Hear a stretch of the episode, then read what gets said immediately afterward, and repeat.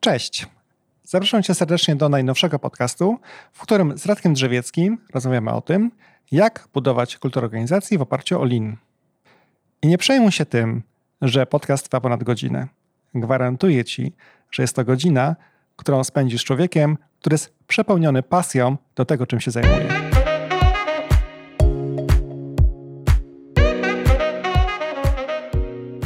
Cześć, witamy Was serdecznie w kolejnym podcaście Nowoczesny Lider. Dzisiaj moim gościem jest Radek. Cześć Radku. Cześć, miło, miło mi bardzo. Witam serdecznie. Tradycyjnie każdy przedstaw e, się powiedz kilka słów o sobie i przy okazji razu powiem, że zbieżność nazwisk jest absolutnie, absolutnie przypadkowa. Dokładnie. Ja nazywam się Radek Drzewiecki, nie jesteśmy z Sebastianem e, rodziną. E, jestem założycielem firmy Lean Passion, która powstała 14 lat temu i współzałożycielem e, startupu mm, Sherlock Waste, którym jest takie główne hasło. Mamy to turn frustration into innovation, czyli zamień frustrację w innowację. I on dosyć fajnie e, rośnie. Zajmuje się Lean, ale od innej strony niż 99% e, ludzi zostało indoktrynowanych, ponieważ ja nie wierzę, że Lean to narzędzia, nie wierzę, że Lean to szkolenia i tak dalej. Tak? Ja się zajmuję Lean od strony strategicznej, i przez ponad 3 lata pisałem książkę, która się nazywa Strategia Lean i mm, uważam, że żeby być Lean, Agile, Kaizen, bo dla mnie to wszystko jest to samo, chodzi mm, można być za to spalonym na stosie, ale generalnie chodzi o robienie jak najczęściej refleksji na temat tego, jak pracuję i co mogę e, poprawić. I ja uważam, że po prostu większość firm nie jest gotowa na to, żeby być lean, kaizen, agile i mówię, zaangażuj najpierw pracowników firmy, a dopiero później w jej doskonalenie. No i tak bym pokrótce przedstawił to, czym się zajmuję ja i moja firma. Ja też do tego nawiążę może, bo jeden z moich poprzednich pracodawców również przechodził przez e, wdrażanie mhm. metodologii Lean w organizacji e, i to były trzy podejścia i tylko trzy tak naprawdę, firma duża, więc tam mogę się podzielić później obserwacjami, jak to, jak to działało i co wyszło, co nie wyszło. Ale właśnie, chciałem do swojej książki, bo ty masz taki piękny cytat na swoim chyba LinkedInie, z tego co pamiętam, które mówi, dlaczego w wielkich firmach ludzie nie mogą doczekać się poniedziałków.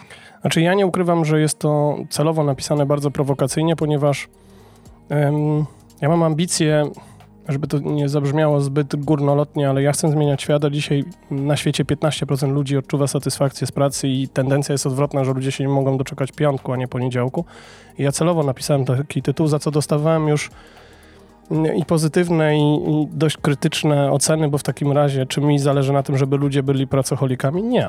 Mi zależy na tym, żeby ludzie czerpali satysfakcję z tej połowy życia, yy, bo świadomie czy nieświadomie pracujemy 32,2 lata w Europie jest taki. Mm, jest, jest y, taka statystyka, natomiast e, jak się pytam pracowników, liderów, menedżerów, y, kogo częściej spotykają w swoim życiu, czy kolegów, koleżanki z pracy, czy partnerów rodziny, no to mm, odpowiedź jest zawsze oczywista. No i ja ubolewam nad tym, że 15% ludzi na świecie odczuwa satysfakcję z pracy według danych e, Instytutu Galupa z 2017 roku, a w Polsce 14%. I ja chciałem tutaj zwrócić uwagę, że dwa lata temu, dwa lata wcześniej, w 2015, mieliśmy wskaźnik 17,6%. Był dalej tragiczny, ale on idzie cały czas w dół, tak? I e, no tak, to Europa, jest, Europa Zachodnia ma 10%, najlepiej Najbardziej zaangażowani, y, usatysfakcjonowani na świecie są oczywiście Amerykanie, Kanadyjczycy i to jest wskaźnik 30%. No tylko ja nazywam pracę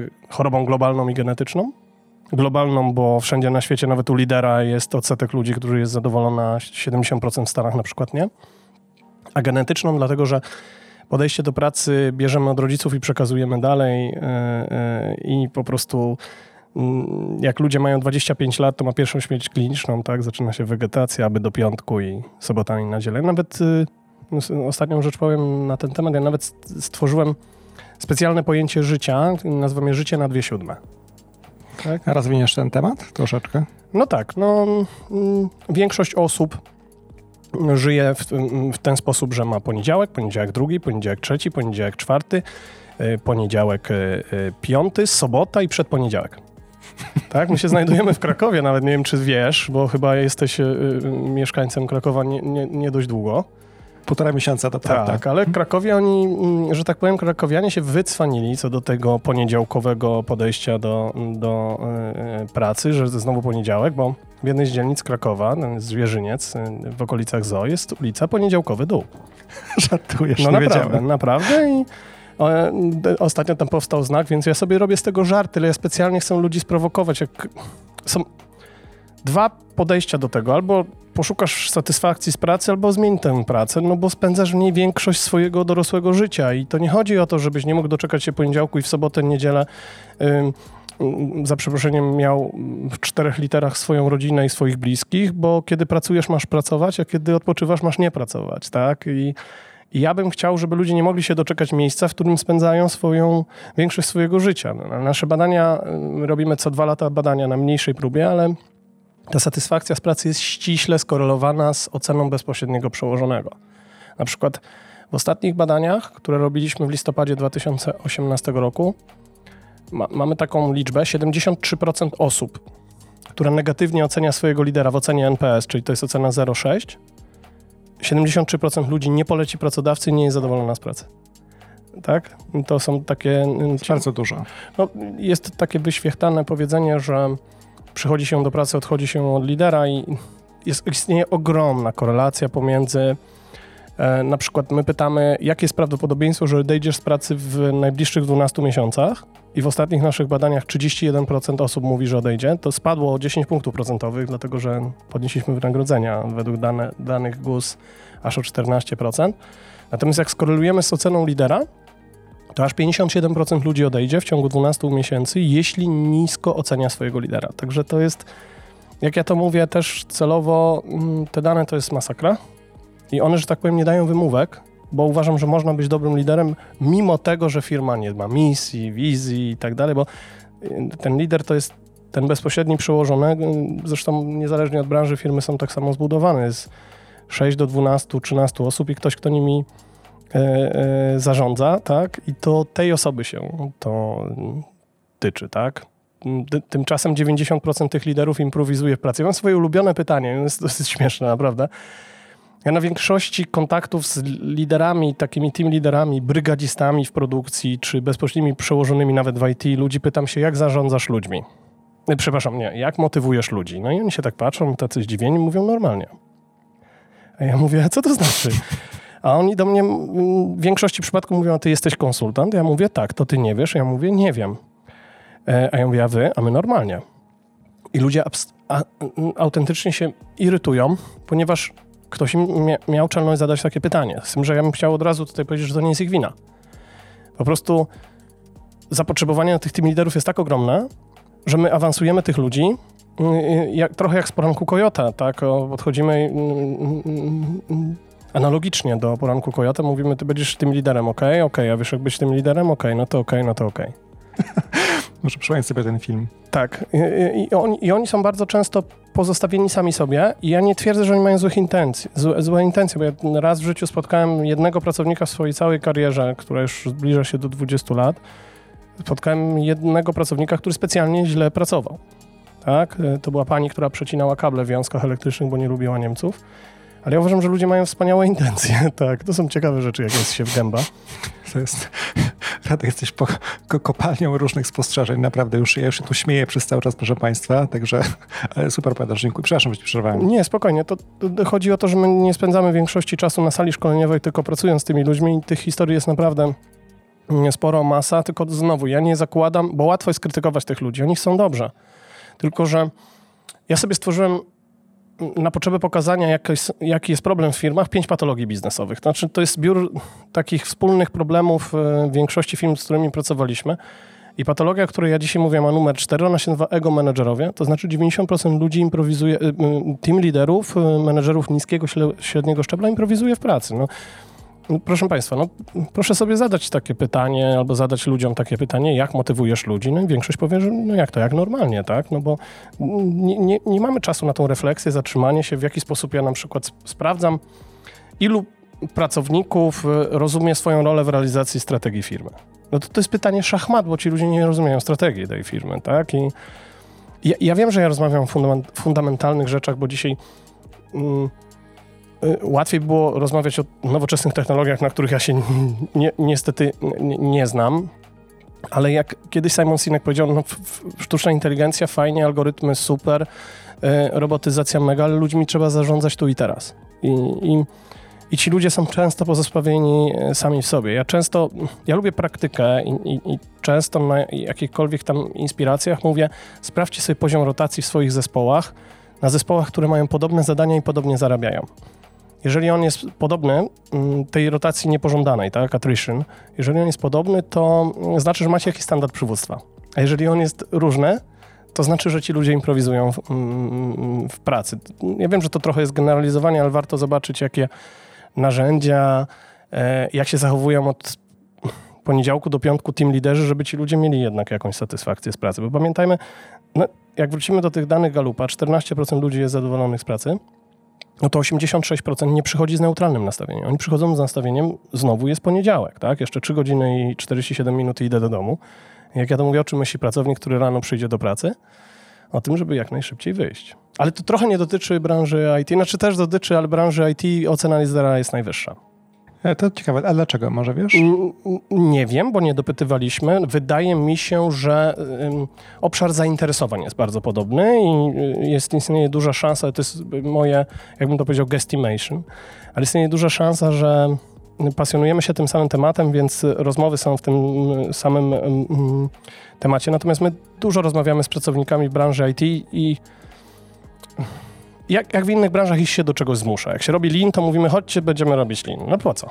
No po co? No, wystarczy zapytać ludzi, jaki macie problem, jak mogę pomóc go rozwiązać i, i, pokazać, jakie są e, cele w naszej firmie. My jako liderzy nie robimy fundamentalnych rzeczy. Takich gonimy z tym wszystkim, zamiast się zatrzymać. Nie wiem, czy się Państwo z tym zgodzicie. Nie wiem, czy Ty, Sebastian, się zgodzisz. Ja też nie pytam Ciebie dzisiaj, ale 95% menedżerów, którym my zadajemy pytanie, jaka jest misja, wizja firmy, nie wie. Nie wiem, to prawda. Czy zgadzam się z Tobą, że patrząc na wyniki również innych, y, różnych ankiet wewnątrzfirmowych, y, to pytanie było zawsze jedno z najgorzej ocenionych, jakie widziałem. Pomimo mhm. tego, że nawet firmy były naprawdę takie światłe i przykładały uwagę jednak mimo wszystko, żeby ludzie wiedzieli, w którym kierunku i po co w ogóle są w firmie, tak. czyli to ten purpose tak zwany. Tak, no, no, no tak. jeśli chodzi o purpose, to my mamy obsesję na tym punkcie. My zawsze każdą transformację za, zaczynamy od odrobienia zaległości w tym temacie, czyli stworzyliśmy taką patologię, że 95% menedżerów nie zna misji, wizji i celów strategicznych i my tylko my zakładamy, że to nie jest ich wina i siadamy z nimi i odrabiamy zaległości w tym temacie, ale nie, nie robimy zwykłe, zwyczajnie tylko misji, wizji, tylko staramy się doprowadzić do warunku docelowego, w którym na przykład wszyscy członkowie top management wierzą, rozumieją i będą wspierać kontekst biznesowy yy, firmy. Ja książce, którą wyprodukowałem, mm, jest nawet album ze zdjęciami, żeby zobaczyć, e, jak to działa. Plus, ja też mam trochę takie zawodowe doświadczenia, że dla mnie misja powinna być jednozdaniowa. Dla mnie wizja powinna być jednozdaniowa, wartości powinny być jak najprostsze i to chodzi o to, żeby nikt niczego się nie domyślał. I, i nam naprawdę od czasu do czasu udaje się stworzyć coś fajnego z zarządami firm, za którym ci ludzie idą. Tak? Ciekawostka jest jeszcze taka, że jakieś Cztery miesiące temu, ile dobrze pamiętam, miałem najbardziej frustrujące wystąpienie w ostatnich pięciu latach. Tak? Otóż zostałem zaproszony na mm, wystąpienie, dla, które było skierowane do grupy 16-latków y, y, w Liceum Kopernika z, z racji koper, Kopernikaliów. Ja przyszedłem nieprzygotowany. Tak, bardzo często brakuje nam pokory, mi wtedy też zabrakło. Mówię, co tam do 16-latków, powiem ciekawe rzeczy, będą się śmiać. Poza tym myślałem, że będzie 10 osób, ni niestety przyszło 150. No i ja miałem godzinne wystąpienie na temat sensu pracy, natomiast życia na dwie siódme, tak, e, i tam nikt się nie śmiał. Ci ludzie, młodzi ludzie, notabene już skrócę tę opowieść i powiem, że fantastyczni, siedzieli trochę w telefonach, e, e, że tak się wyrażę kolokwialnie. Od czasu do czasu podnosili głowę. Ja występowałem godzinę. Dawno się nie oblałem tak siódmymi potami, zestresowany, czy im się podoba. Następnie po całej godzinie oni wstali, minutę bili brawo i mówili bis. Więc ja mówię, chyba się spodobało. Ale nie o tym e, chciałem powiedzieć, tylko w pewnym momencie zadałem pytanie, czego oni oczekują od pracy, bo za 5-4 lata będą, pójdą do pracy. Jak myślisz, co było na pierwszym miejscu? E, cel, Co będziemy robić? Po co będziemy robić? E, tak. Tak? No i dokładnie to. Bo większość respondentów, którym zadaje to pytanie, to mówi kasa. I u nich kasa jest, ale na drugim miejscu, bo to wynagrodzenie musi być. I, i ono jest dużym e, benefitem, ale nie jedynym. I oni powiedzieli dokładnie, że to, co robię, ma sens. Więc to nie jest tak, że ci ludzie, to młode pokolenie, to jest pokolenie, które ma takie bardzo duże wymagania i tak dalej, i tak dalej, ale to wynika, jak ja to mówię, z, z tej piramidy od tego od masła i, i, i, potrzeb ludzi. Ludzie potrzebują mieć jakieś poczucie przynależności, potrzebują jakiś sens, ale potrzebują też dobrą atmosferę, potrzebę e, bycia traktowanym fair. Natomiast my też już w naszych badaniach pytamy się pracowników, czego oczekujesz od firmy, e, żeby mieć satysfakcję z pracy. I na pierwszym miejscu jest e, zadowolenie, przepraszam, wynagrodzenie. Na drugim miejscu jest lider, który tworzy przyjazną atmosferę. Ale idąc dalej, pytamy się, czego, na pierwszym, czego oczekujesz od swojego lidera? I pracownicy, my zgrupowaliśmy te potrzeby, które są istotne statystycznie. I jak myślisz, co jest na pierwszym miejscu, jeśli chodzi o lidera? Tego team lidera.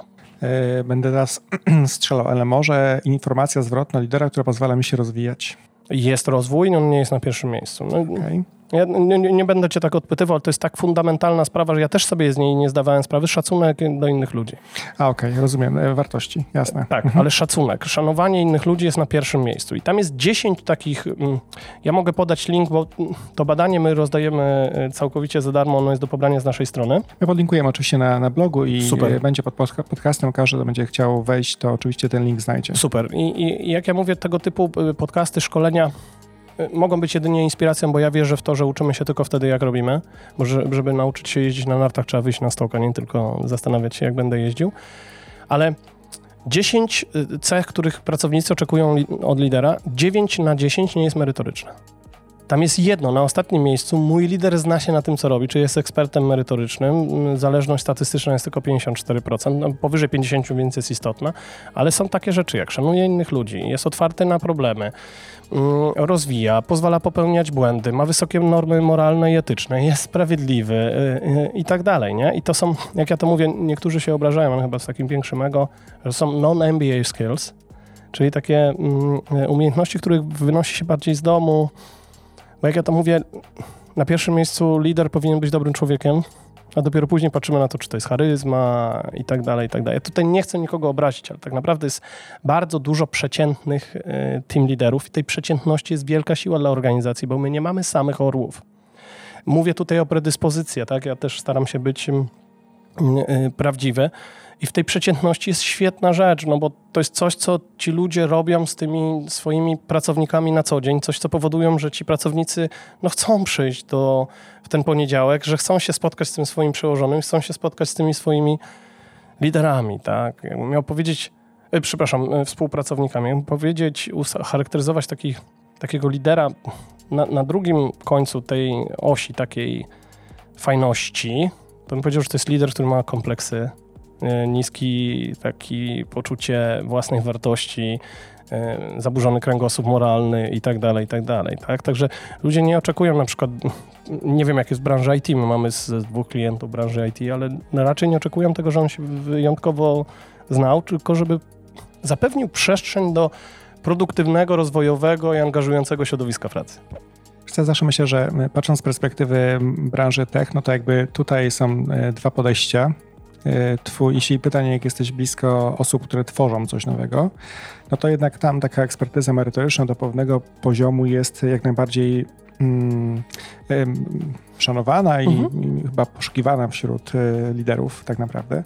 I patrząc z perspektywy również takiej ciekawostki, miałem jakąś rozmowę z jednym z poprzednich CEO Microsoftu, trochę o kulturze w ogóle w tech i w ogóle w Europie, bo on był e, CEO w trzech albo czterech różnych krajach.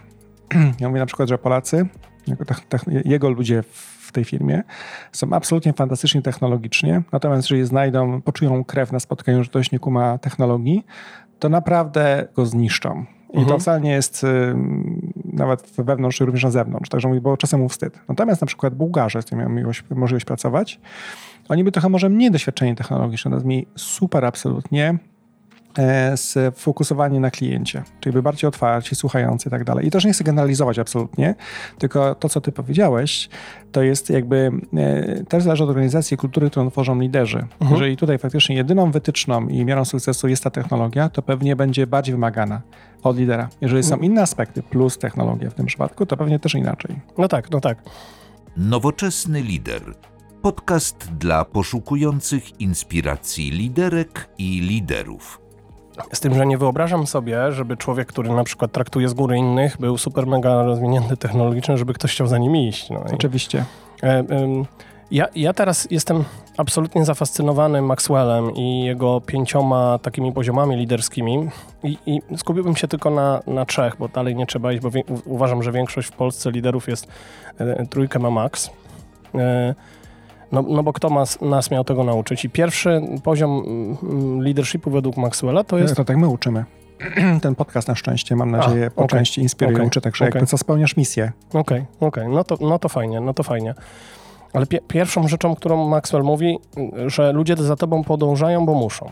Czyli wy, to są tacy liderzy, którzy mówią, ja jestem twoim szefem, wykorzystując swoje stanowisko i ludzie po prostu ze struktury organizacyjnej, z, z, z, przepisów prawa pracy muszą za tobą podążać, bo do ciebie raportują. To jest pierwszy poziom, tak? Czyli on się nazywa stanowisko. Drugi poziom, ja bym tutaj powiedział większość shared serwisów, to jest drugi poziom. To jest ludzie za tobą podążają, bo cię lubią. Jak weźmiemy pod uwagę, że geneza awansów liderów jest taka, że on awansuje zespołu, to prawdopodobnie jak on ma taki likable faktor wysoki, to ci ludzie za nim gdzieś tam idą i, i chcą, i on się nazywa w ogóle przyzwolenie. No też jest fajnie. Pozwalamy ci na to, żebyś był naszym liderem. No, no on lubi, lub, lub, lubią go, on jest fajny, super atmosferę robi, nie ma tym nic złego. Ale trzeci poziom to jest ten poziom, który jest już moim zdaniem w Lean Agile takim poziomem standardowym, do którego trzeba dążyć, to jest skuteczność. To znaczy lider potrafi tak zarządzać swoimi zespołami, że on realizuje cele.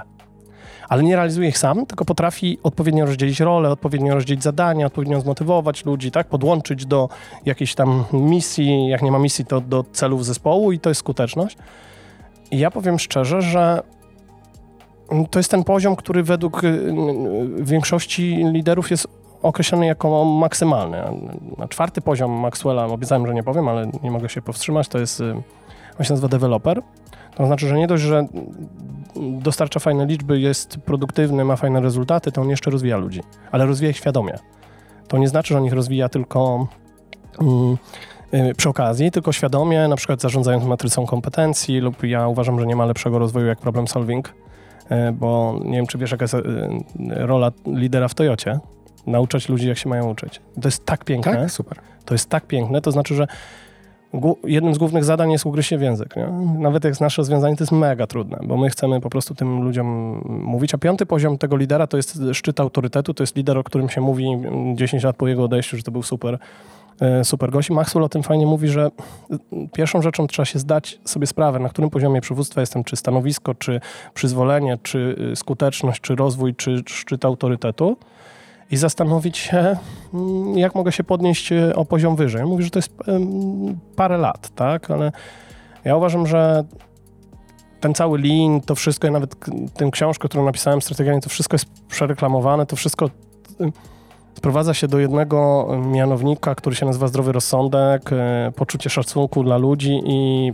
PDCA, tak, czyli cykl Deminga, który od nas wszystkich tantiemy powinien brać, bo parę dziesiąt lat temu wymyślił, żeby planować, próbować, wyciągać wnioski, wdrażać je lub y, przepraszam, standaryzować lub znowu planować, tak? I, I tak jak spojrzymy na te wszystkie nowoczesne metody pracy, skramowe, agile'owe, to wszystko kręci się wokół tego, żeby nie mieć planu na 100 lat do przodu, tylko żeby mieć plan, nie wiem, na dzień, na godzinę i tak dalej. Ja kiedyś miałem taką dyskusję z branżą IT, na takim meetupie agile'owym, gdzie powiedziałem im, że każda firma produkcyjna jest 100 razy lepsza od nich, jeśli chodzi o agile. I oni mówią, ale jak to? Przecież my jesteśmy agile, tutaj Scrum i tak dalej. Ja mówię, a wiecie ile, jak często się w produkcji sprawdza, jak nam idzie? Oni mówią, nie, no my tam sprinty co dwa tygodnie sobie sprawdzamy. Ja mówię, co godzinę. Czyli co godzinę zespół zastanawia się, co zrobi. Oni mówią, i, i, zawsze jest taki, wiesz, świetne powiedzenie, ale my jesteśmy specyficzni, u nas się nie da i tak dalej, i tak dalej. Tak, tak, stara historia, to prawda. Tak, tak. No ja zawsze mówię, nie jesteście specyficzni, tylko macie trochę więcej pieniędzy i trochę inne warunki do tego, żeby e, mm, po prostu was stać na to, żeby y, robić refleksję raz na dwa tygodnie. Tak? I ja wiem, że ja mówię no, o wszystkich rzeczach naraz, niestety mój umysł jest taki chaotyczny. Ja uważam, że... Ale z pasją, Panie tak to super się tego słucha. Ja osobiście jestem zachwycony. No, e, dziękuję. Natomiast to nie jest tak, że ja chcę się wymączać, ale ja zatoczyłem w Lin takie koło, gdzie jak mnie uczy, uczono, bo ja uważam, że w, w, naszym kraju, w ogóle w Europie yy, za, środkowej, zachodniej, Lin jest postrzegany tak samo, że weź sobie zestaw narzędzi, wdrożysz i będziesz super. I mnie też tak uczono, dopóki nie spotkałem kilku Japończyków i absolutnie mojego guru, takiego Duńczyka i doszedłem do Klausa Petersena, jest w tej chwili moim przyjacielem, ja doszedłem do jednego wniosku. Bo my Historycznie zrobiliśmy z 300 transformacji i to ja nie mówię o firmach, których, dla których robiliśmy szkolenia, tylko fizycznie transformacje. Mm, I większość z tych firm i większość firm, których potykamy na swojej drodze, nie tylko w Polsce, również za granicą, nie jest gotowa. No I po prostu... A co to znaczy, że nie jest gotowa? No, no, ja zdefiniowałem sobie pięć patologii biznesowych. Tak? Pierwsza z nich to są silosy. Z tym, że większość organizacji myśli, że chodzi o silosy pomiędzy działami, a mi chodzi o silosy pomiędzy menedżerami a pracownikami. Tak? Czyli Pracownik przychodzi rano do pracy, będę generalizował, ale 86% z nich w tym kraju myśli o tym, żeby jak najszybciej wyjść. Tak, w produkcji to jest jeszcze 657 sztuk idę do domu, a w biurze 3 godziny 40 minut idę do domu, chyba że jest ciekawe zadanie, no to akurat mamy szczęście. I to jest pierwsza patologia. Jej symptomem jest to, że 95% menedżerów, my to zbadaliśmy już na ponad, 3, na ponad 200 firmach, nie zna misji, wizji i celów strategicznych, to powoduje, że relacja pracownika z pracodawcą jest jedynie transakcyjna. Nie ma nic z tym złego, pod warunkiem, że cię stać że na to, żeby płacić więcej niż inni. Druga patologia, no, ona się nazywa ludzie przychodzą do roboty. Robota w niektórych częściach y, y, naszego kraju jest y, takim, ma negatywne konotacje, jest takim pejoratywnym oznaczeniem pracy. W niektórych częściach mówi się tyra. Czyli on przychodzi do pracy, myśli o tym, żeby jak najszybciej wyjść. I jeżeli my tym ludziom uświadomimy, że połowę swojego świadomego życia od 25 roku życia do 65 on spędza w tej robocie, no to jest szachmat. To, on, to ktoś musi być na tyle sprytny, żeby świadomie odrzucać 20 mm, lat szczęścia, nie? No, o tym się nie mówi, ale to rysuje się takie kółeczko, ile śpisz, ile pracujesz i tak dalej. To są fundamenty. Trzecia rzecz jest absolutnie hitem, to jest 80% procesów nigdy nie zostało zmierzonych i my się opieramy na opiniach, a nie na faktach. Czyli na przykład pytasz, dlaczego nasi ludzie są zdemotywowani? Bo za mało zarabiają. I przyjmujemy to jako fakt. I mi nie chodzi o to, że ktoś kłamie, tylko to, co ja wypowiadam, jest tylko opinią.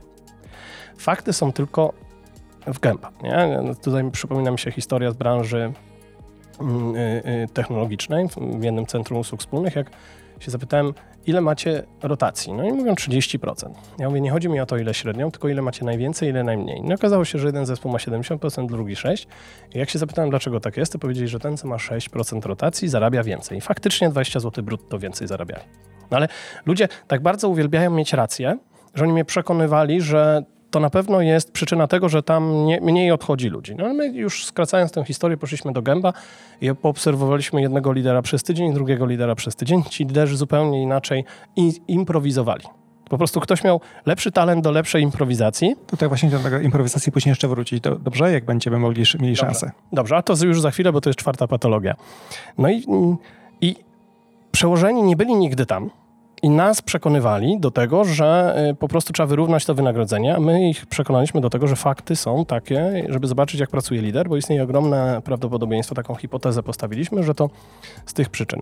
I teraz Liderkami były dziewczyny, świetne, obydwie, z bardzo fajnym, dużym szacunkiem dla ludzi, tylko jedna była zafascynowana robotyksami. I przez cały czas swój liderski ona pisała sobie mm, y, te robotiksy, tworzyła a druga po prostu intuicyjnie podsumowywała codziennie ludziom, jakie mają wyniki.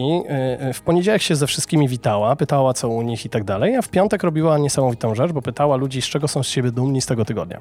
I nikt jej tego nie powiedział. Jej się wydawało, że tak y, lider powinien zarządzać. Więc my im powiedzieliśmy, chcecie mieć mniejszą rotację, to weźcie od tej dziewczyny to, co robi lepiej. Nie płaccie takim firmom jak, jak nam i starajcie się, żeby ktoś wziął trochę tych rzeczy i od poniedziałku do piątku zarządzał w ten sam sposób mniej więcej jak ona, bo tu macie udowodnione, że jest najniżej. I, I, oni się do tego przekonali. My zaczęliśmy im standaryzować podejście, robić te daily czy tam board meetingi z ogromnym szacunkiem do ludzi, z pomiarem satysfakcji z pracy. Czyli trzecia patologia to jest opinia zamiast faktów.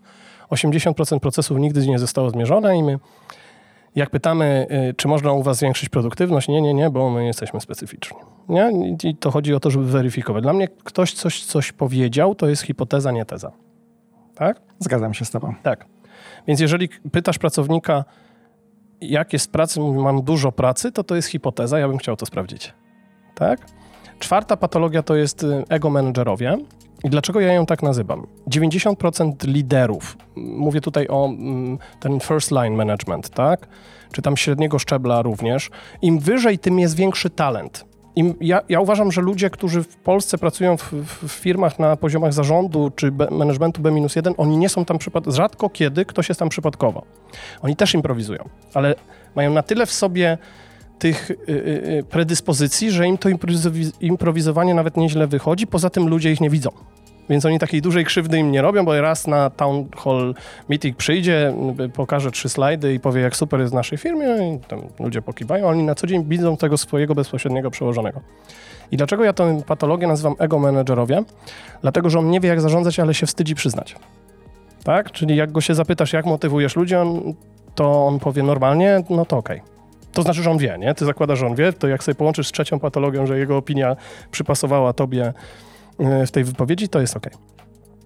Czyli pierwsza patologia to jest silosy, ale ja mówię tutaj o silosie horyzontalnym pomiędzy kadrą zarządzającą a pracownikami, czyli jedni chcą robić biznes, a drudzy nie mogą się doczekać, żeby wyjść do domu. Drugi to jest, że ludzie przychodzą do roboty zamiast do pracy. Trzecia jest opinie zamiast faktów. Czwarta jest ego menedżerowie, a piąta doskonale przeszkadza biznesowi. I tak naprawdę to jest cała esencja lin. Tego się nie wdraża, tego się nie da zrobić za pomocą projektów, tego się nie da zrobić za pomocą narzędzi. Oczywiście to jest moja subiektywna opinia, bo mm, na forach linowych to mm, jestem persona non grata w większości przypadków, tak, ale ja po prostu nie chcę robić tak jak inni, bo w to nie wierzę. I teraz wyobraź sobie taką sytuację, to do tej piątej patologii, że ja przychodzę do twoich ludzi i mówię tak, cześć, będziemy robić lin. To co oni powiedzą? Hura, gdzie byłeś przez ostatnie pięć lat? Nie mogliśmy się ciebie doczekać? Jesteśmy zafascynowani, w końcu ktoś coś zrobił? Nie. Oni powiedzą, znowu coś sobie wymyślili, a my przecież mamy tyle pracy i taki głupot. Słuchasz podcastu Nowoczesny Lider. Czyli wiesz, powiedzą jeszcze ci często tak, że myśmy już to widzieli. Tak. Już takich dwu, dwóch jak ty, wcześniej to u nas było. Tak. E, to się na pewno nie uda. Tak. Tak. Tak. I i my coraz mniej mówimy tym ludziom, chodźmy, zróbmy lean. My mówimy im, zobaczcie, taka jest nasza misja, taka jest nasza wizja, czy nie my, tylko menedżerowie, którzy nimi zarządzają. Jak byście chcieli pracować, żeby to zrealizować? I to jest klucz. My pytamy, y, y, siadamy z zarządami firmy, mówimy, odróbcie zaległości, sorry. Wiesz, co jest jeszcze ciekawe? Taka mała cieka ciekawostka. Ja te zarządy zabieram poza firmę, bo oni się wstydzą, że ktoś się dowie, że oni nie wiedzą o tej misji, wizji. I staram się zrobić jednozdaniową misję, wizję, wartości, cele strategiczne z nimi. Rysujemy plakaty, to są w książce jako przykłady. Następnie idziemy do ludzi i mówimy do nich na przykład wierzymy, że dobre jedzenie daje dobre życie. Albo chcemy, żeby ludzie jedli zdrowo i bezpiecznie. To jest dla producenta żywności. I zadajemy takie kluczowe pytanie. Jak byście chcieli pracować, żeby to zrealizować? Ludzie są w szoku, bo nikt ich nigdy nie pytał. E, tak? To jest, jedno to jest zbudowanie sensu istnienia organizacji, a drugie to jest zbudowanie poczucia sensu, e, poczucia przynależności do tego mm, sensu w organizacji. I to nie chodzi o to, żeby tych ludzi indoktrynować i powiedzieć im, no teraz będziemy wam robić 5S, MET, Pokajokę, Hejunka i tak dalej. Ci ludzie tego nie rozumieją i się tego boją. Tylko wspólnym mianownikiem jest ta refleksja. I co jest fajne, ci ludzie chcą. Tylko nie musisz udawać mądrzejszego od, od, od nich, tak? Ty, ty, ty, powiedziałeś ciekawą rzecz, do której mm, obiecałem sobie, że wrócę, nie zapomnę w tym swoim mm, słowo potoku Powiedziałeś, że ludzie oczekują od swojego e, przełożonego gdzieś tam w Polsce, w branży tech, żeby on był merytoryczny. Ja się z tym zgadzam. Natomiast niech on nie udaje nigdy, że wie więcej od nich, jeśli nie wie. I tej autentyczności jest y, bardzo dużo potrzeba. Ja na przykład nie znam się na IT, a ludzie y, nie mają problemu, żeby ze mną pracować, tylko ja mówię, wy się znacie lepiej ode mnie, ale ja mam tę przewagę, że nigdy nie byłem w waszej firmie, więc jestem w stanie zauważyć e, szybciej marnotrawstwa niż wy. Zresztą też mam takie ulubione powiedzenie, że jeśli to jest możliwe, to jeśli jesteś najmądrzejszą osobą w pokoju, to jesteś w złym pokoju. No, a to jest super. To jest super. A ja te, te wszystkie patologie sprowadzam do jednego słowa, e, do jednego zdania właściwie, te pięć patologii. Jeśli liderzy udają, że zarządzają, to pracownicy udają, że pracują. Doskonałe. I, i, i, I tak jest. No, ja też nie chcę od, rozwiązywać wszystkich problemów świata, ale tak często jest w rodzinach, że ludzie udają po prostu. I ja dlatego w tym mojej przydługiej wypowiedzi ja chciałbym, żeby ludzie nie mogli się doczekać poniedziałku. I naprawdę nasz takie rzeczy takie rzeczy zaczynają się udawać w firmach. Potrzeba jest sporo czasu i ja uważam, że my w firmach zarządzający potrzebujemy trzech cech wiary, determinacji, pokory. Wiary, że to, co robimy się uda, determinacji, kiedy nam nie idzie i pokory, kiedy nam idzie. Czyli kiedy zaczęło nam wychodzić, tak? Ja powiem Ci taki przykład y, też z mojego życia zawodowego. Ostatnio zmieniłem firmę, mam pierwsze spotkanie i to w ogóle były osoby, które były najróżniejszy poziom zarządczy w firmie, bo to były communities tak zwane w firmie. Więc to mogą być osoby, które mają pasję, coś robią, ale mhm. niekoniecznie wcale liderzy albo menedżerowie. To są liderzy, ci prawdziwi, którzy po prostu się zorganizowali. Super. I pamiętam, że na tym spotkaniu y, jeden z communities powiedziało, że jakby robią coś, czym ja się zupełnie nie znam, a chętnie bym się nauczył. I na spotkaniu powiedziałem, słuchajcie, to może pomentrujecie mnie, że mógł się od was dowiedzieć więcej na ten temat. Ja po raz pierwszy widziałem tak zszokowanych ludzi tak. w życiu. To zachęcam po prostu naszych słuchaczy, aby jeśli macie taką szansę, zadajcie takie pytanie, zobaczcie reakcję e, publiczności, bo ludzie na pewno po, myślę, że poczują się bardzo fajnie, że mogą was czegoś nowego nauczyć. No, ale tak, to, to jest właśnie ten szacunek dla tych ludzi, bo ponieważ, y, słuchaj, w ogóle jest pierwsze takie założenie w tym ego menedżerach, nie? No bo ty się teraz zachowałeś jak nie ego menedżer, czyli nie wstyd nie wiedzieć nie? Bo wiesz, my myślimy, ja będę generalizował, ale 90% liderów, menedżerów też, myśli, że wszyscy myślą, że oni wiedzą i super są i oczekują od nich, żeby być supermenami. Ja naprawdę spotykam bardzo rzadko na poziomach menedżerskich ludzi, którzy potrafią powiedzieć, nie wiem, pokaż mi, naucz mnie, bo wiesz, to ty. Tak, ale to jest taka zasada, y, żeby też nie było dużo negatywnych y, skojarzeń ze słowo ego. Ego jest ok. Ego jest ok, ono drive'uje nas bardzo często do zmian, ono powoduje, wiesz, wielcy tego świata mają to ego, ale my, podstawą leadershipu jest wzmocnienie jego empatią, czyli zastanów się, to ten druga osoba może myśleć. To pytanie, które zadałeś ludziom jest po prostu świetnie. Ja nie dziwię się, że oni byli w szoku, bo są przyzwyczajeni do tego, że są mentorowani. Nie, bo zobacz, wracając do tej misji, wizji, wartości celów strategi- cel, cel, i celów strategicznych. Nawet jak zarząd wie, wymyślił to sobie gdzieś kiedyś, to co robi w drugim kroku? W 95% przypadkach co on robi? Jak komunikuje? No już abstrahując od tego, że nie będziemy, wiem, że jest y, y, późna pora, ale już nie będziemy robić z tego sobie y, komedii, ale większość zarządów wysyła misję, strategię firmy mailem, a maile czyta 3% ludzi, a ja śmiem twierdzić, że 0,3 rozumie. Ale nawet jak robią spotkanie ze wszystkimi pracownikami, mówią, słuchajcie, to jest nasza misja, wizja, wartości, cele strategiczne, a teraz wam to łaskawi pracownicy skaskadujemy. I co robią? Wymyślają ludziom cele i myślą, że oni za tym pójdą, nie? No przecież to jest masakra. Raz w życiu, z 8 lat temu, spotkałem swojego mentora y, Klausa Petersena, który mówił mi, trzeba odwrócić i zadać ludziom pytanie i powiedzieć im tak, to jest nasza misja, wizja, wartości, cele strategiczne, od tego nie ma odwrotu. Y, ludzie też tego nie mówią, się boją. A teraz chciałbym, żebyście powiedzieli, jak byście chcieli pracować, żeby to zrealizować, bo ja mam takiego świetnego konsultanta, już z nami z 10 lat, w ogóle facet z branży logistycznej, Artur Waranecki. I on kiedyś tak siadł i powiedział, wiesz czym jest przywództwo? To jest umiejętność dawania ram tam, gdzie trzeba i wolności tam, gdzie trzeba. My jako liderzy to miksujemy. Dajemy ramy nie tam, gdzie trzeba i wolność nie tam, gdzie trzeba. Tak? I jak na to zobaczysz, to dla mnie w ogóle najlepszymi liderami na świecie są matki. Niedawno mieliśmy Dzień Matki, bo wiesz, pod, pod kątem mm, e, servant leadership to nie ma e, co się porównywać w ogóle, prawda? Zgadzam się. Poświęcają się dla innych. Ja mówię, że tym takim prawdziwym materiałem na lidera jest osoba, która, no może to będzie za bardzo powiedziane, ale czerpie radość z dawania radości innym. No i teraz zobaczcie, innego menedżer, dla kogo się zostaje liderem? Dla siebie, nie dla ludzi. Nie? Większość ludzi mówi, no jestem liderem, fajnie, mam fajną wizytówkę, super, pnę się w tych szczeblach, ale lider, ja w książce użyłem takiej definicji, czym jest dla mnie leadership, bo to jest druga najmniej zrozumiała rzecz w polskim biznesie po strategii. Jak zapytasz się kogoś, to to jest strategia, to sprawdzą, czy ktoś, sprawdzają, czy ktoś do nich nie dzwonił, bo nie wiedzą. A leadership to jest dla mnie umiejętność podłączenia ludzi i procesów do strategii firmy.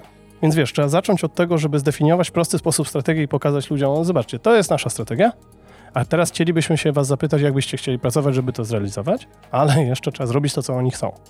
Tak? I do tego jest trochę narzędzi lina, ja nie chcę... Mamy kilka takich narzędzi leadershipowych, które pomagają liderom nie improwizować w pracy, takich jak daily, jak... Ale wiesz co, ty mi się tutaj powiedz, bo moje doświadczenie mówi, że słuchają nas, tego podcastu, osoby albo na bardzo wczesnej początku swojej kariery zawodowej, osoby, które już są liderami, liderkami i jakby poszukują inspiracji, ciekawych wiadomości i tak dalej. I nawet słuchają nas ludzie na poziomie C-level. Tak, mhm. ja też mhm. miałem informację o tym, że naprawdę i koledzy i koleżanki zarządów nas słuchają.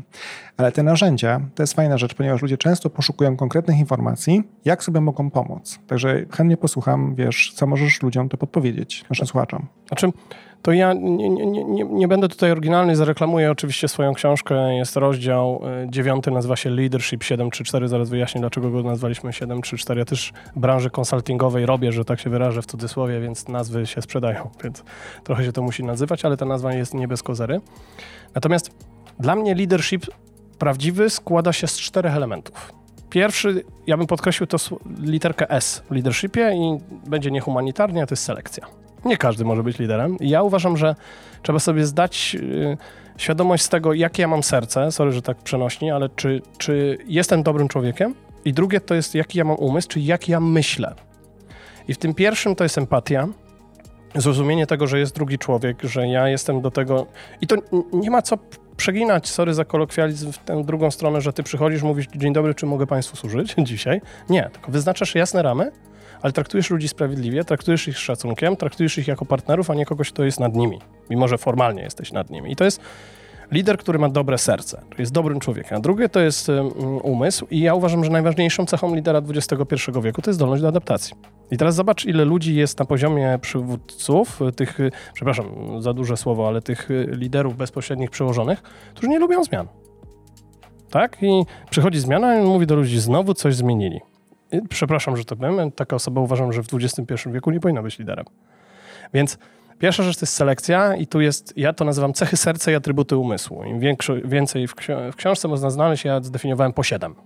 Tak, takich cech serca i atrybutów umysłu, które są uniwersalne, ale jak wejdziemy w dużą od strony praktycznej, to one powinny wywodzić się z wartości firmy. Czyli jakie cechy serca powinien mieć lider i atrybuty umysłu, żeby mógł wspierać wartości firmy. Tak? I jak już mamy tę selekcję, to jest ten serce, umysł, to my stworzyliśmy sobie takie trzy narzędzia i nazwa tego leadershipu 7 czy 4 jest od tych trzech narzędzi. Po pierwsze, 7 kroków kaskadowania i komunikacji strategii. To jest ze 100 razy łatwiejsze od Balance Scorecard, czyli w sposób, w jaki my skaskadujemy cele do poziomu pracowników, ale przez procesy. Czyli my kaskadujemy cele w sześciu krokach, a siódmy jest na ich komunikację, parafrazę. Tak, tam są zdjęcia w książce. Ten siódmy to jest 5R. Więc my mamy 7 kroków kaskadowania i komunikacji strategii.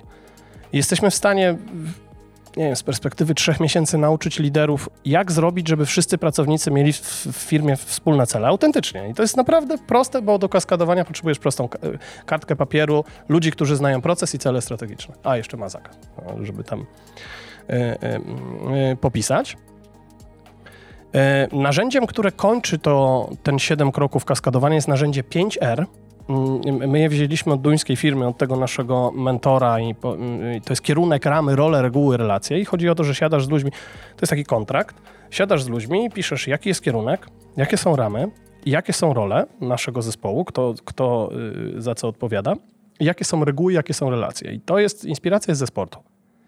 Tak, bo w sporcie wszyscy znają cele na dzisiaj i długoterminowe. Ramy to jest boisko, tu gramy, tam nie tak? Czyli zobacz, masz na przykład zakres tego, co robi twój zespół, to robisz tego nie, nie graj tam. Tam możesz żonglować, być najlepszy na świecie, ale tam jest out.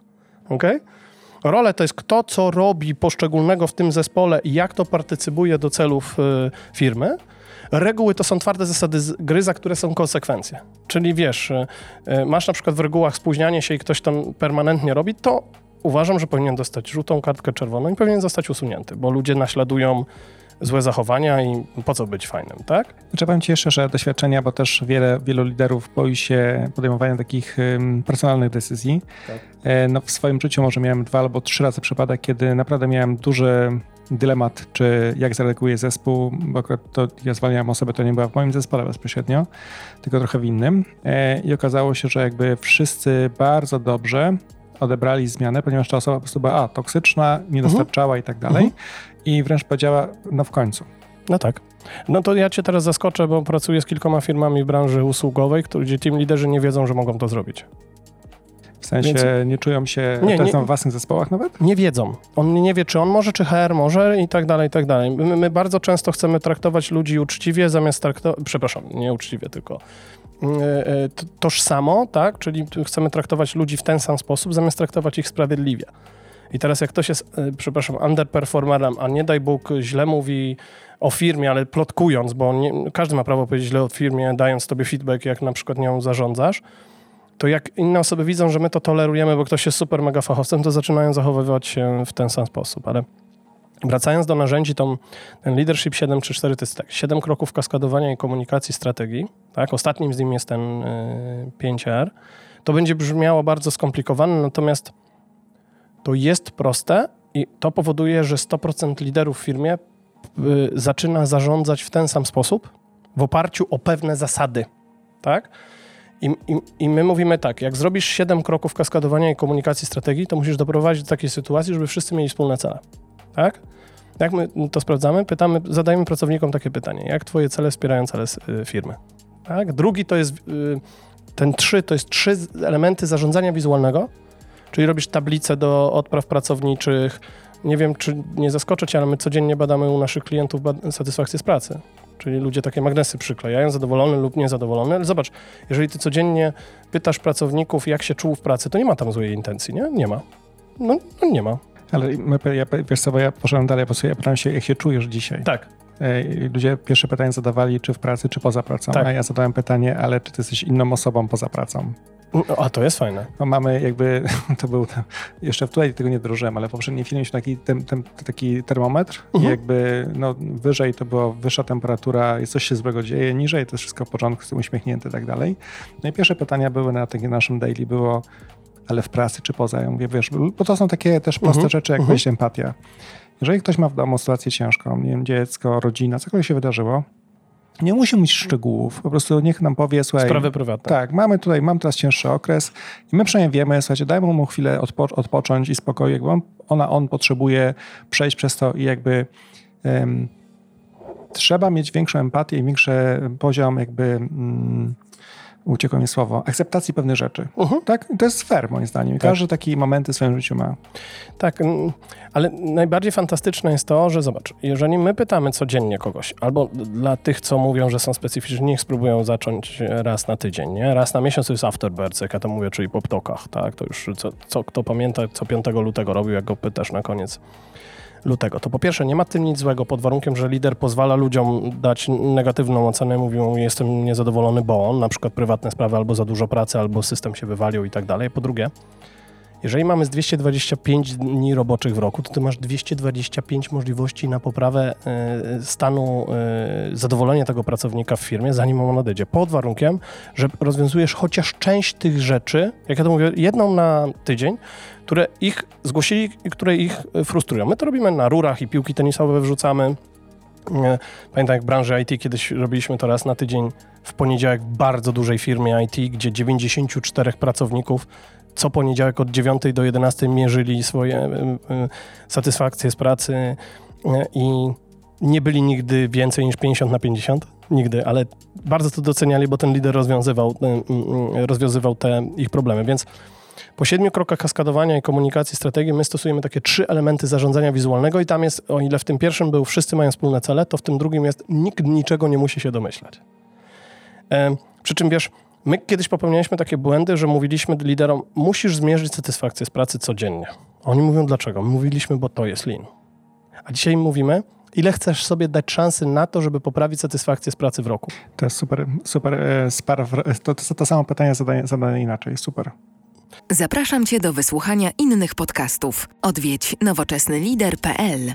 I, I trzecia rzecz to jest cztery y, etapy rozwoju ludzi i zespołu. Ja wiem, że to tak brzmi 7 czy 4. Sam, sam jestem wkurzony z tego, że tak to y, stworzyłem, ale nie wiem, czy y, to będzie jakieś odkrycie. Pewnie nie, y, y, ale my sobie wyobraziliśmy mm, te cztery y, kroki rozwoju ludzi i zespołu. Pierwszy, numer jeden. Jaka jest Twoja rola w firmie? Bo pamiętasz, jak mówiłem, że liderzy na pytanie, jak motywujesz ludzi, mówią normalnie? To wiesz, co pracownik mówi, jak się go pytasz, jaka jest rola w firmie? Robić dobrze. I abstrahując od tego, no dobra, podarujmy to sobie, ale E, więc my bierzemy lidera i jego pracowników i na przykład taka dziesiątka y, z tym liderem, pytam się, jaka jest twoja rola w firmie? On mówi napastnik. To już tak będę używał takiej metafory. Mówi, to, to okej, okay, to napastnik, jesteś napastnikiem, to, to co ty musisz robić? Musisz strzelać gola. Nie? No to dalsze pytanie jest, to co musisz umieć? A on mówi strzał lewą nogą, strzał prawą, wyjście na pozycję, strzał głową, przyjęcie piłki i tak dalej, i tak dalej. Um, OK, a ile umiesz, na jaki poziom umiesz ten strzał i tak dalej, i tak dalej. No już też skrócę. To, to samo bierzesz ze sportu po prostu do swojego y, y, specjalisty, team lidera, czy kogokolwiek, mówisz, jaka jest twoja rola w firmie, mm, ciężko na początku wydobyć, on mówi, to co musisz umieć, żeby tę rolę grać? No to i to. A jak umiesz to i to, na jaki poziom? I tworzysz matrycę kompetencji. Z tym, że wiesz, ja kiedyś wchodziłem do takiej firmy, Y, która miała na przykład 300 liderów, mówię, musimy zrobić matrycę kompetencji. No i robili, bo przez gardło im wciskaliśmy. Ja dzisiaj zadaję pytanie, jak byś chciał rozwijać ludzi w sposób świadomy? Pokazuję mu narzędzie matrycy kompetencji, łączę to z czwartym poziomem y, tego leadershipu Maxwella i mam jego motywację i motywację ludzi pod warunkiem, że to nie jest ściema. Że nie, to jest, wiesz, tablica i ona jest, ma być wypełniana i, i, i koniec, nie? Także reasumując, ten leadership, y, jeśli chodzi o narzędzie, po pierwsze, zdaj sobie sprawę, jak jesteś liderem, czy masz cechy serca, których oczekują ludzi, mm, ludzie w, w podcaście? Możemy dać link do tego, jakich tych elementów od ludzi liderzy oczekują. Dwa, czy twoje predyspozycje umysłu pozwalają firmie y, przystosowywać się do nowych okoliczności? No bo to jest wyzwanie numer jeden dzisiaj, nie? No, no stop ci się wszystko zmienia, jak szybko się e, e, adaptujesz, czyli ta zdolność do adaptacji to są te cechy umysłu. Następnie my uczymy team liderów tak kaskadować strategię, żeby wszyscy ludzie mieli wspólne cele, i możesz mi wierzyć lub nie, ale e, podarowałem też książkę tobie, to zobaczysz zdjęcia. E, e, następnie wizualizujemy wszystko, co firma chce, żeby zostało zwizualizowane. Nie tak na wariata, że pięć jest na biurkach. Ja jestem mega przeciwnikiem tego, żeby było jasne, tylko robimy cel, wynik, kaizen. To są takie tablice, w którym wszyscy wiedzą, jak nam dzisiaj idzie. Tak? Wizualizujemy procesy, których trzeba wizualizować i wizualizujemy na przykład rolę w firmie i tak dalej, żeby nikt niczego nie musiał się domyślać, żeby nie tracić po prostu na to czasu i żeby ta świadomość, bo w ogóle zarządzanie wizualne ma uruchomić myślenie i działanie. I trzecia rzecz, y, siadamy z ludźmi, pytamy się, jakie są ich role w firmie i zastanawiamy się, jakie on, oni mają mieć kompetencje, gdzie jest gap i gdzie robić. Ja też lubię dawać przykłady. Pamiętam w firmie, y, y, shared serwisie finansowym no i jest to najprostsze procesy, jak to mówią, tylko niech się nie obrażą ci ludzie, którzy je robią, to są procesy AP? Account, pay, account Payable. No i pamiętam, jak zrobiliśmy takie narzędzie hour by hour, że pracownicy co godzinę zapisywali, ile zrobili. No i okazało się, że to jest bardzo nierównomierne i zapytaliśmy się zespołu yy, po zakończeniu tych prac, dlaczego w tych godzinach mało pracowali, a w tych więcej. I oni powiedzieli, że przychodziły różne typy faktur, i na przykład z dziesięcioosobowego zespołu tylko dwie umiały je robić. Więc my się zadaliśmy im pytanie, co musiałoby nastąpić, żebyście zwiększyli swoją efektywność jako pracy. I ludzie powiedzieli, uczmy się od siebie. Tylko wiesz, tego lidera tam nie ma, on jest na jakichś spotkaniach, robi tabelki i, i, tak dalej, i tak dalej, więc ci ludzie pracują, jak się ich zapytasz, dlaczego tak ciężko dzisiaj było, on mówi specyficzny dzień. Aha, okej, okay, może jutro będzie lepiej, nie? I to jest, wiesz, są te takie fundamenty, ja jeszcze też bardzo często, bo ja dzisiaj dużo powiedziałem, ale pytam ludzi, jaka jest podstawowa różnica pomiędzy sportem a y, biznesem, jeśli chodzi o y, lidera. To prawie nikt nigdy nie potrafi na to wpaść. Jak myślisz, co to będzie? E, będę stawiał na motywowanie zespołu. Mm -mm. Mm to jest tak fundamentalna rzecz, który, rzecz, którą my w biznesie jej po prostu nie dostrzegamy. To jest miejsce, w którym ten lider przebywa. Jak popatrzysz na trenera, widzisz, a, dobre, dobre. Ja nie, się tak, tego nauczyłem tak. od Łukasza Kruczka, z którym mieliśmy przyjemność e, pracować. Ja go nawet kiedyś sprowokowałem, takie filmy z nim nagrywaliśmy. Dlaczego on nie da zadań na trening i nie pójdzie sobie na kawę? Ja to chciałem powiedzieć, bo ja nie znam tego testu się twojego, bo na, chyba na pięć pytań odpowiadałem może na dwie i z czego nie wiem, czy to dobrze, ale jakby y, powiem tylko, że moją taką... Y, takim pomysłem na pracę z zespołem jest bycie z zespołem, czyli my siedzimy razem. Tak. Tak? tak. I na przykład, na przykład naprawdę szanuję kolegów, którzy mają własne biura, zamykają się w nich i tak dalej, pewnie mają dużo ważnych rzeczy do obgadania. To jest prawda, często tak trzeba, ale nie będąc zespołem, nie dowiesz się, co oni myślą, czują i nie ma, mają do ciebie tak. E, niepotrzebne bariery. Tak. Na, na, natomiast y, wybacz, ale samo przebywanie z zespołem, ja nie chcę ciebie oceniać, bo, bo, samo przebywanie z zespołem może często nie wystarczyć, bo jest jeszcze jedna podstawowa zasada. Jak weźmiemy taką piłkę nożną, piłkę ręczną, siatkówkę, żeby nie dyskryminować żadnego sportu, to gdzie jest ten trener? On jest poza boiskiem. Ale tuż przy linii. Ale on ogląda mecz. a nie robi swoich rzeczy. On nie robi w tym momencie raportów, on nie robi w tym momencie kola, on nie pracuje. Więc nawet jeśli siedzisz z zespołem, ja przepraszam, ja tak od urodzenia rady daję, ale jest takie ćwiczenie. Ono jest strasznie proste, ludzie nie wiedzą w jego siłę, ale my prosimy lidera. Zatrzymaj się na godzinę i poobserwuj swój zespół i zaznacz kreską każdy moment, który wydaje ci się, że mieli problem. I ostatnio jakieś ćwiczenie zrobiliśmy w jednym z krakowskich shared serwisów. To 10 liderów poszło do Gęba, czyli miejsca, gdzie pracują pracownicy na godzinę. I my to nazywamy mm, analizą zakłóceń. A tak naprawdę to jest, wiesz, czysta kartka, podkładka i długopis. I oni obserwowali pracowników i w, z godziny 10 liderów, czyli obserwowali mniej więcej ze 100 osób, przynieśli 316 tych interruptions. Czyli 316 razy mniej więcej 100 pracowników miało problem. Tylko to jest dla nas nie do wiary, dlatego że większość liderów po prostu nie robi tych obserwacji. I, I, na przykład, jeśli chcesz się dowiedzieć, jaki, co stanowi dla Twoich pracowników największy problem w Twojej firmie, to fajnie, zrób sobie badanie satysfakcji, zrób sobie dobre daily, ale poświęć godzinę, na razie tylko na próbę. Idź, weź czystą kartkę i zaznacz kreskę w każdym momencie, w którym ludzie mieli jakiś problem. Tak, bo ja uchylę rąbka tajemnicy, mniej więcej w ciągu 8 godzin pracownik ma problem minimum 100 razy prawda, że on musi coś wyjaśnić, musi do kogoś zadzwonić, musi zapytać się kogoś, co miał na myśli. I, i my w branży usługowej mówimy na to, no ale słuchaj, to jest teamwork, no on się pyta, no to ja zawsze mówię, wyobraź sobie, że ktoś maluje rower i dostał go od spawacza i się go pyta, dlaczego go tak zespawał? Nie, bo produkcja po prostu nie ma wyjścia. Ta rentowność jest tak niska, że nikt się nie zapyta, on musi to wiedzieć, albo ta firma nie przetrwa. A u nas, wiesz, dostajesz na 100 skanów 80% jest tylko czytelnych, to ty pierwsze co robisz, to bierzesz same time'a, wewnętrzny komunikator, na które też idą wielkie pieniądze, mówisz, a co ty miałeś tutaj na myśli, a tu się zaczyna wyjaśniać i tak dalej, i tak dalej. Przy czym branży usługowej głównym problemem tych żeby tego nie nazwać, a dobra, będę mówił po swojemu, postojów, tych rzeczy, które, to jest też fajne, bo te postoje automatycznie też wkurzają tych ludzi, to jest matryca kompetencji, czyli on nie umie tego zrobić, tak? Lub nadmierna biurokracja, takie rzeczy, które ludzie muszą wypełniać na bieżąco i tak dalej, to, co, co ich strasznie irytuje i wkurza. No. no.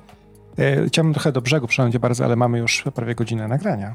No tak. Sobie. A jeszcze chcielibyśmy powiedzieć o o dwóch rzeczach. No, chcę wrócić do tego, do tego, e, do tej improwizacji. Mhm. Okay. Co, co masz na myśli?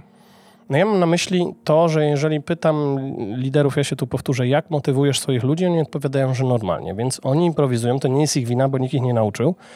Um, na przykład, jak zadasz sobie pytanie, to też możesz sobie zrobić taki test, tylko ja proszę wszystkich zrobicie jak, jak, uważacie, ale jak zadajecie ludziom jakiekolwiek pytanie, to nie w celu konfrontacji i judgmentu, oceniania ich, tylko żeby się dowiedzieć, ok? I, każdy mm, odpowiedź traktujcie z szacunkiem, ale mm, jeżeli jest y, takie właśnie pytanie, jak motywujesz innych ludzi, no to zastanówcie się, co oni wam odpowiedzą. Zapytajcie sobie trzech, czterech, pięciu liderów takich... Y, mm, jak on motywuje ludzi? Rzadko kiedy ludzie odpowiedzą, tak? Na czym to polega. A drugą pytanie, jakie zapytajcie ludzie, to jest pytanie advanced level. To jest czym się różni przywództwo od zarządzania. No i będzie, hmm, hmm, hmm, bo ludzie po pierwsze myślą, że ich sprawdzasz, więc chcą odpowiedzieć, bo, bo no wstyd nie, nie, nie wiedzieć. A po drugie, no, mi to zajęło z 10 lat, żeby y, znaleźć różnicę. I dla mnie przywództwo to jest, są, to jest to, co robi, żeby podłączyć ludzi do strategii, czyli wiesz, budujesz wspólne cele, budujesz wysoki poziom świadomości przez zarządzanie wizualne i budujesz y, y, świadomy rozwój pracowników przez te y, ustale role, umiejętności, matrycę kompetencji, indywidualny plan rozwoju. I ty, jak sobie mówię, stwarzasz sobie takie warunki do tego, żeby zarządzać. I teraz sobie wyobraź, że ty wchodzisz do pomieszczenia, w których nie ma celów mm, zwizualizowanych, albo wchodzisz do pomieszczenia, w których nie wiesz, czy ludzie są dzisiaj zadowoleni z pracy, czy nie. Jak robiłeś ten barometr czy termometr, to wiedziałeś, prawda? To jak ty możesz zarządzać? Tylko możesz improwizować. I teraz jak dostałeś trochę talentu, robisz to lepiej niż inni, a ja bym powiedział jeszcze inaczej. Jak jesteś dobrym człowiekiem, to wychodzi ci dosyć dobrze, ale wtedy jesteś na drugim poziomie przywództwa, bo ludzie cię lubią. Nie odchodzą od ciebie, jesteś fajny gość. Czy tam jesteś fajną e, e, liderką, czy tam jesteś fajnym liderem. Ale dla mnie świadome e, przywództwo mm, skupia się na tym, że ja chcę doprowadzić do środowiska pracy, w którym wszyscy ludzie mają wspólne cele. To znaczy, oni wiedzą, że ich cel wynika z tego, tak? Czyli wiedzą, jak wspierają proces klienta i mm, mm, tę strategię Druga rzecz, on tworzy takie środowisko, w którym nikt nie musi się niczego domyślać. Czyli jak ja wchodzę do takiej firmy, to ja od razu wiem, jaki jest wynik, e, kto co robi, ile ludzi jest zadowolonych, czy mają największy problem dzisiaj.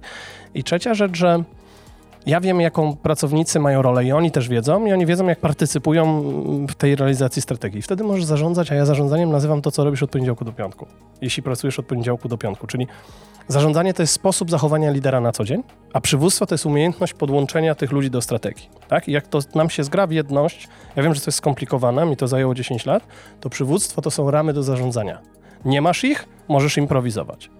Tak? Można się przenieść na przykład na y, tru, jedno z trudniejszych skrzyżowań, powiedzmy gdzieś w Krakowie, w Warszawie, w Poznaniu, we Wrocławiu, mniejszych y, miejscowościach. Jak nie masz świateł i znaków, to jak jeździsz? To jest ogromny chaos.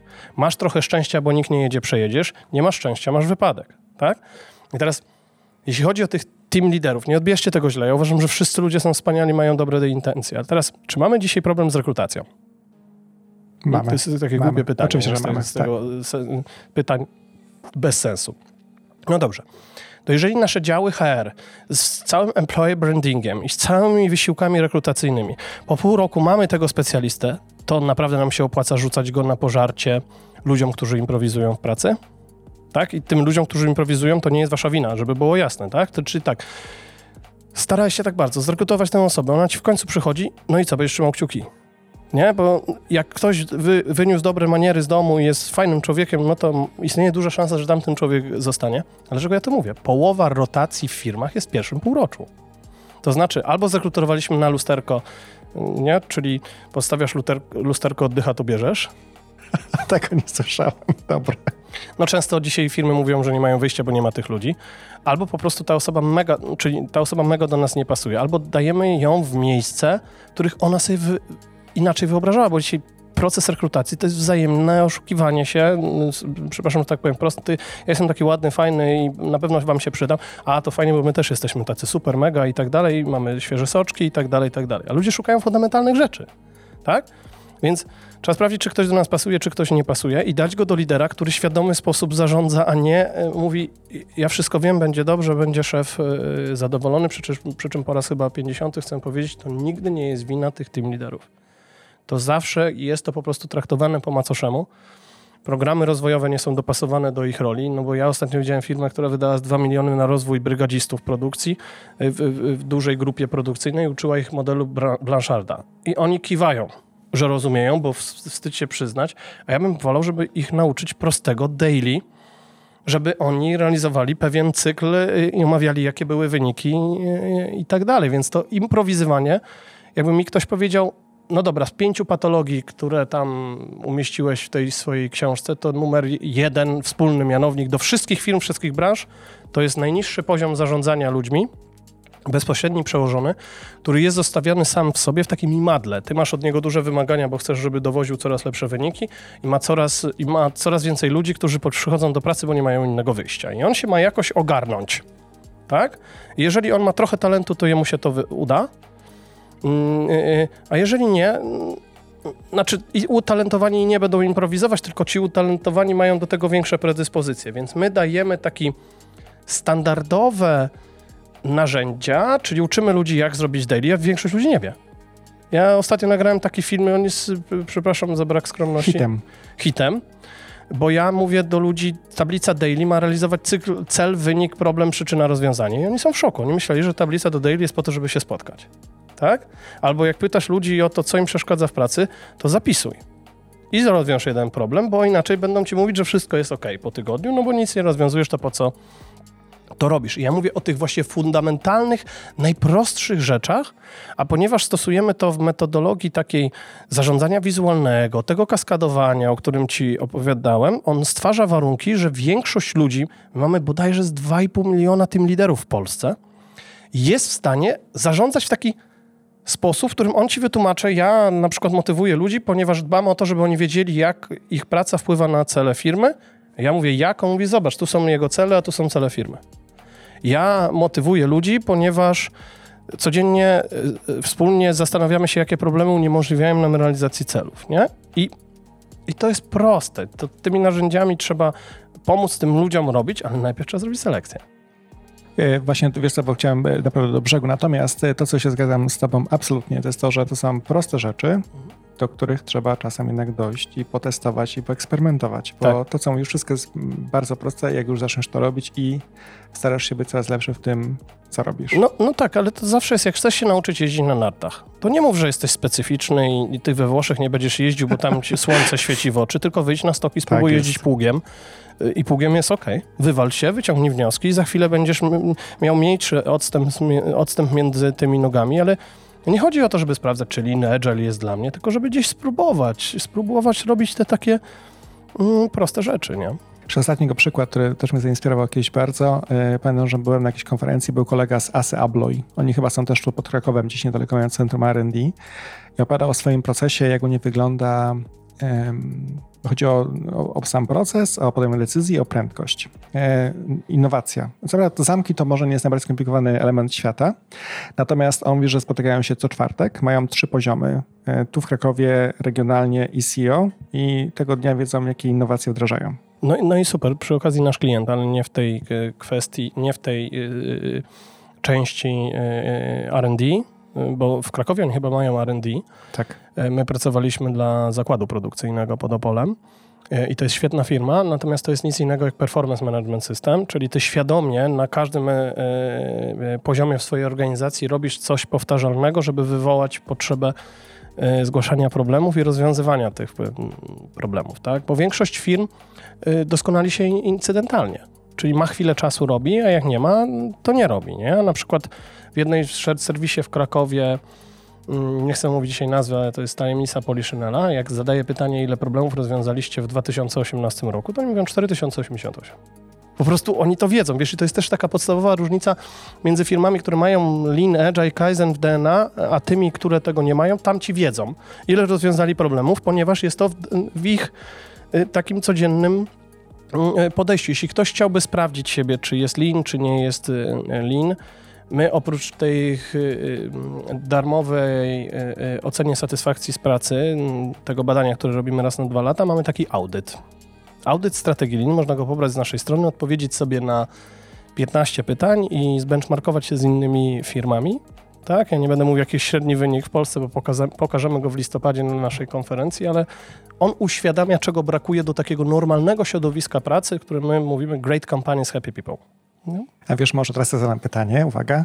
E, taki najbardziej unikalny sport, którym niekoniecznie mógłbyś połączyć ten sport z lean managementem i z continuous improvementem i z całą tą kwestią związaną z tym, że po, po, powtarzanie pewnych rzeczy i ulepszanie jest bardzo istotne. Ale zespołowy? E, no, na sam koniec jest to zespół, natomiast jest to jeden zawodnik i jest zespół.